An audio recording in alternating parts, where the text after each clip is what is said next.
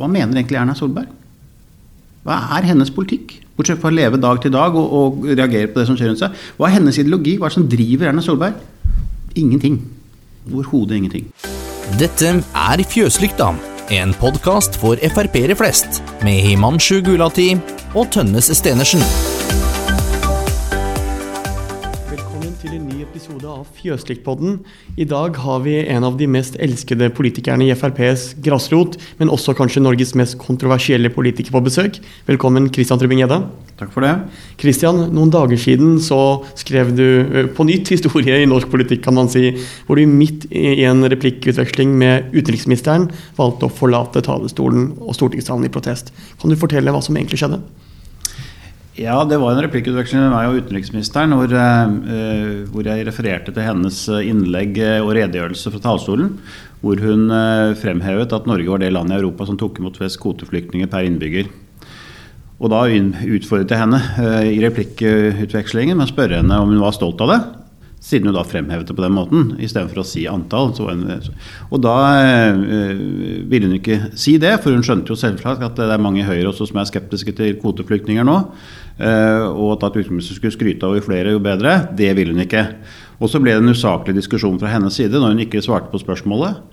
Da ble det snakk om frem og tilbake med hvor man bor og hvor man treffer folk med innvandrerbakgrunn osv.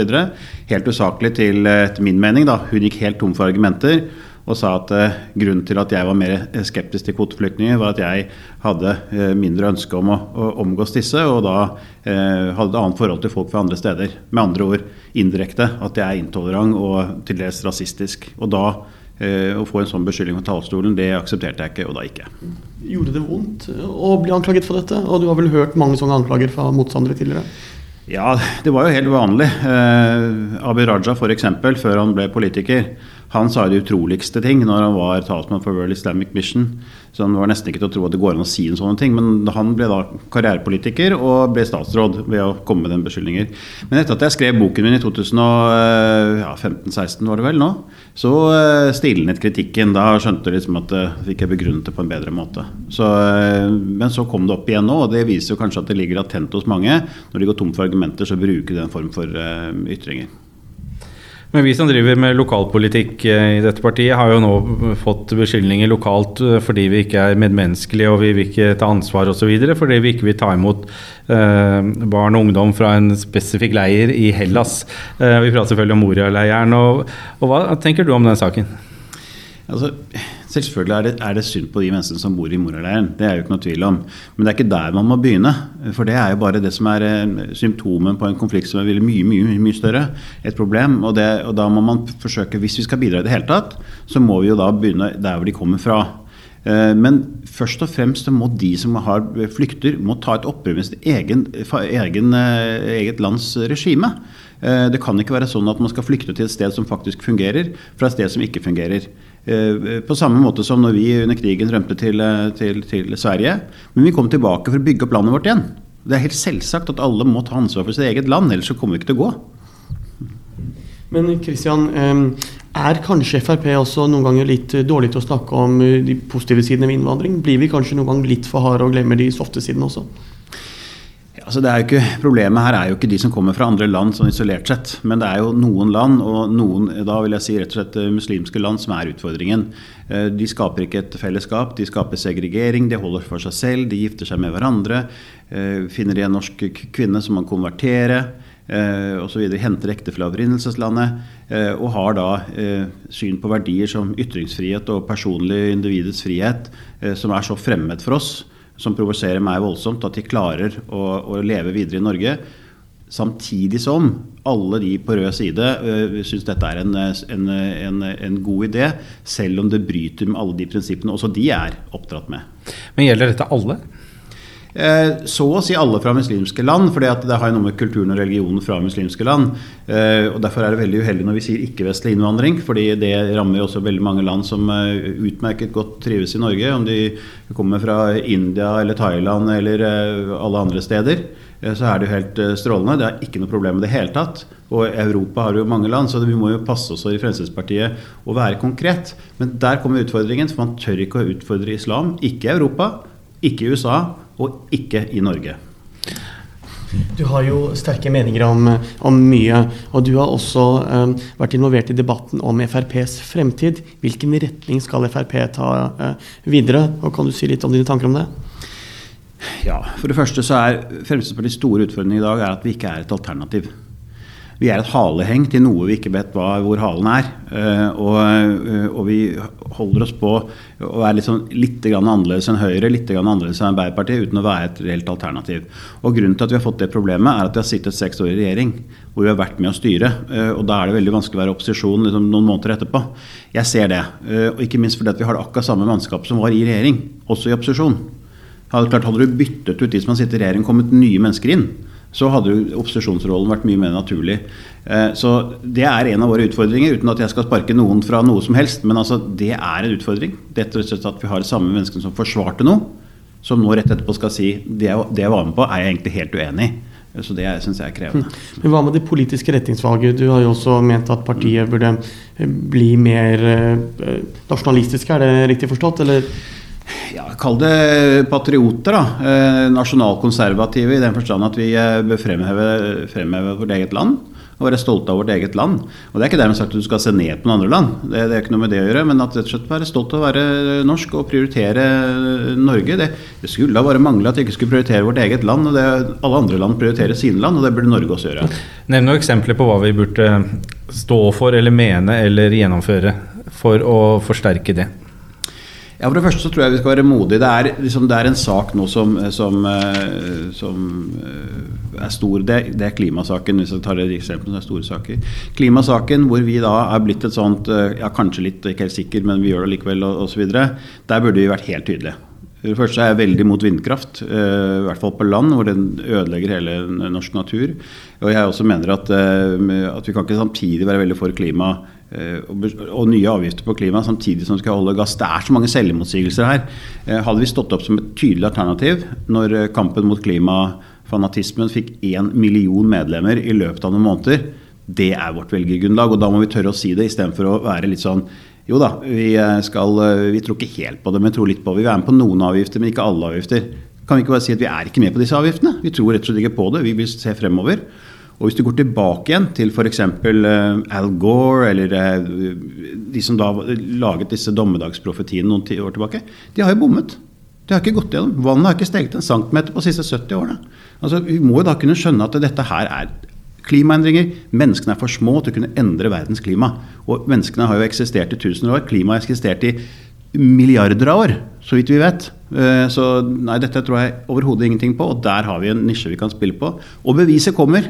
For den dagen det ikke skjer, i 2030 skulle det jo skje en hel masse ting, da kommer de til å skyve det fremover. Altså, vi kan ikke, vi kan ikke drive en politikk hvor vi lammer vår egen økonomi, og så sier vi at det, det, kan skje noe der fremme, og vi tror vi skal prøve å klare det.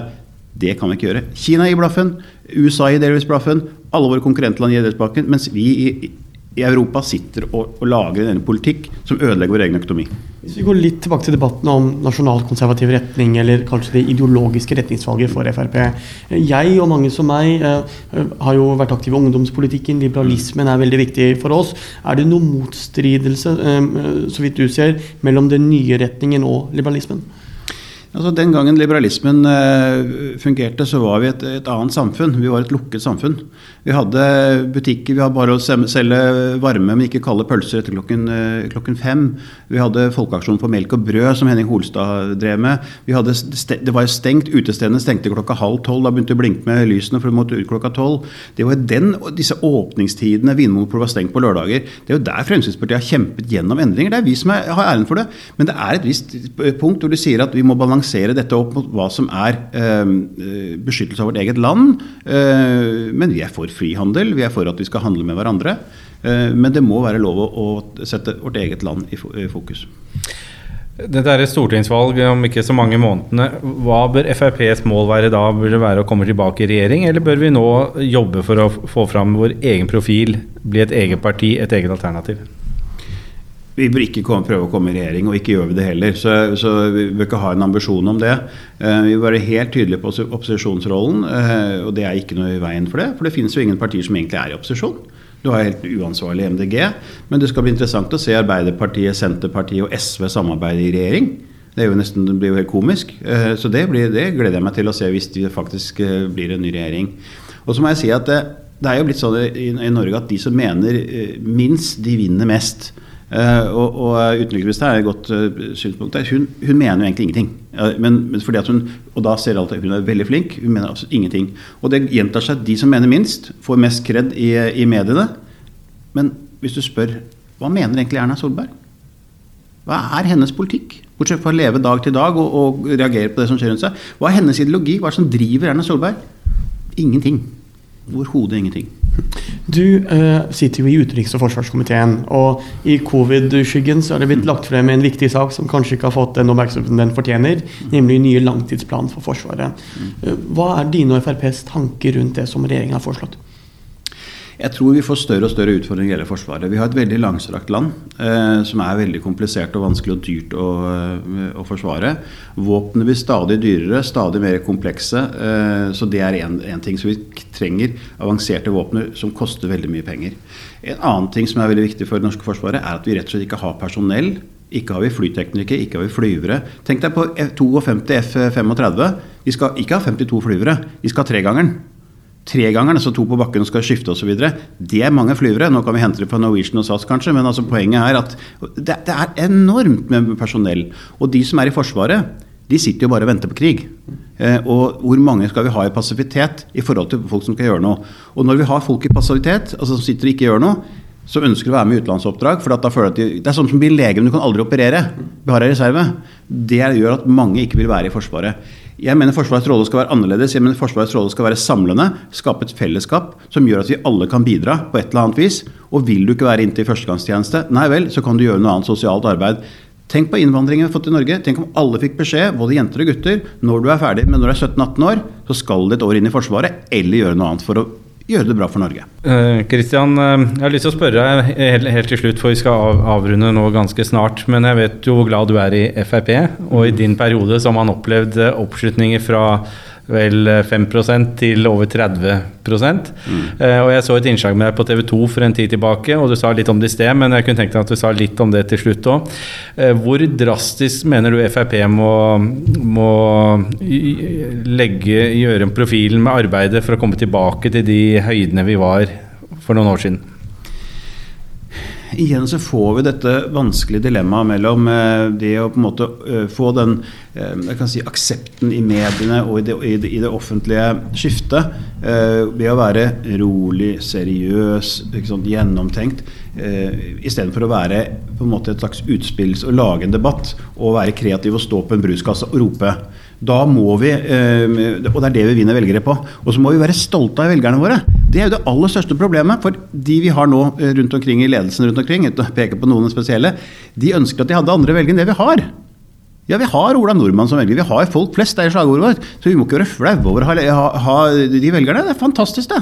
Så skal ellers, hvor skal det ellers gå, hvis det ikke skal gå til oss? For å utfordre deg litt eh, også, mm. Hvis vi ser på målingene nå, så er jo Høyre det partiet som har steget mye i det siste. Betyr ikke kanskje det at uh, mange av våre potensielle velgere er til partier som, som er litt rundere enn oss? Uh, så kan det hende at du tar feil i, i, i argumentasjonen din? Nei, jeg tror eh, vi skal være stolte i utgangspunktet at vi er spiss i formuleringene. Se på MDG i Oslo, fikk 15 eh, Du har eh, folk Rødt er jo, er jo større enn oss i Oslo. Betydelig større enn oss. Det er klart at det er et potensial der ute hvis vi er tydelige, men hvis vi ikke mener noen ting, og vi henger oss på og, og, og jatter med, ja vel, da ender vi opp på 8 da. Da kommer kanskje ikke partilederen inn fra Oslo engang. Vi trenger 5-6% for å få inn, for å få en inn fra Oslo. Altså jeg, hvis jeg skulle komme på annenplass, så ligger jeg jo milevis unna plass til Oslo. Før vi avslutter, så er det et tema det er vanskelig å ikke snakke om. Og det er koronasituasjonen. Mm. Vi står i den kanskje største utfordringen noen av oss ja, kunne forestille seg i vår levetid. levetid. Og, eh, og, det er jo nytt for oss alle, og man har valgt en retning med mange tiltak. Det har også hatt sin pris for økonomien og folks, folks trivsel. Har du noen tanker om veien videre? Er det riktig det vi holder på med nå, eller er vi nødt til å for tenke annerledes? Jeg tror vi er blitt livredde for at, uh, for at noen menneskeliv går tapt. Uh, det høres veldig dramatisk ut og veldig ubarmhjertig ut. Men faktisk, hvis du går opp gjennom historien, dette har et virus, så har man alltid forsøkt å isolere de som er i, er i smittesfaresonen. Jeg mener vi skulle gjort det fra utgangspunktet. Vi skulle oppfordret de eldre til å være hjemme som vi gjør i dag. Men å lamme samfunnet og si at friske mennesker på 30 år skal være hjemme i månedsvis. Det er altså en menneskeskapt eh, krise, eh, en økonomisk krise, hvor poenget var ikke å få hjulene i gang, poenget var å stoppe hjulene i en økonomi som gikk strålende.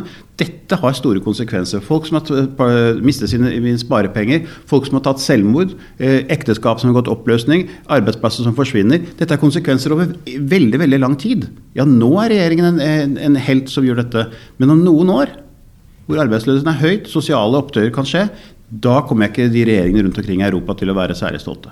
Jeg tror det var en amerikansk politiker som sa i forrige uke at hvis vi ikke åpner økonomien snart, så har vi snart ingen økonomi igjen å, å åpne. Ja. Vi får se hva, hva, tiden bringer. Men Christian, tusen takk for at du stilte opp, og lykke til med det viktige politiske arbeidet i tiden fremover. Takk skal du ha.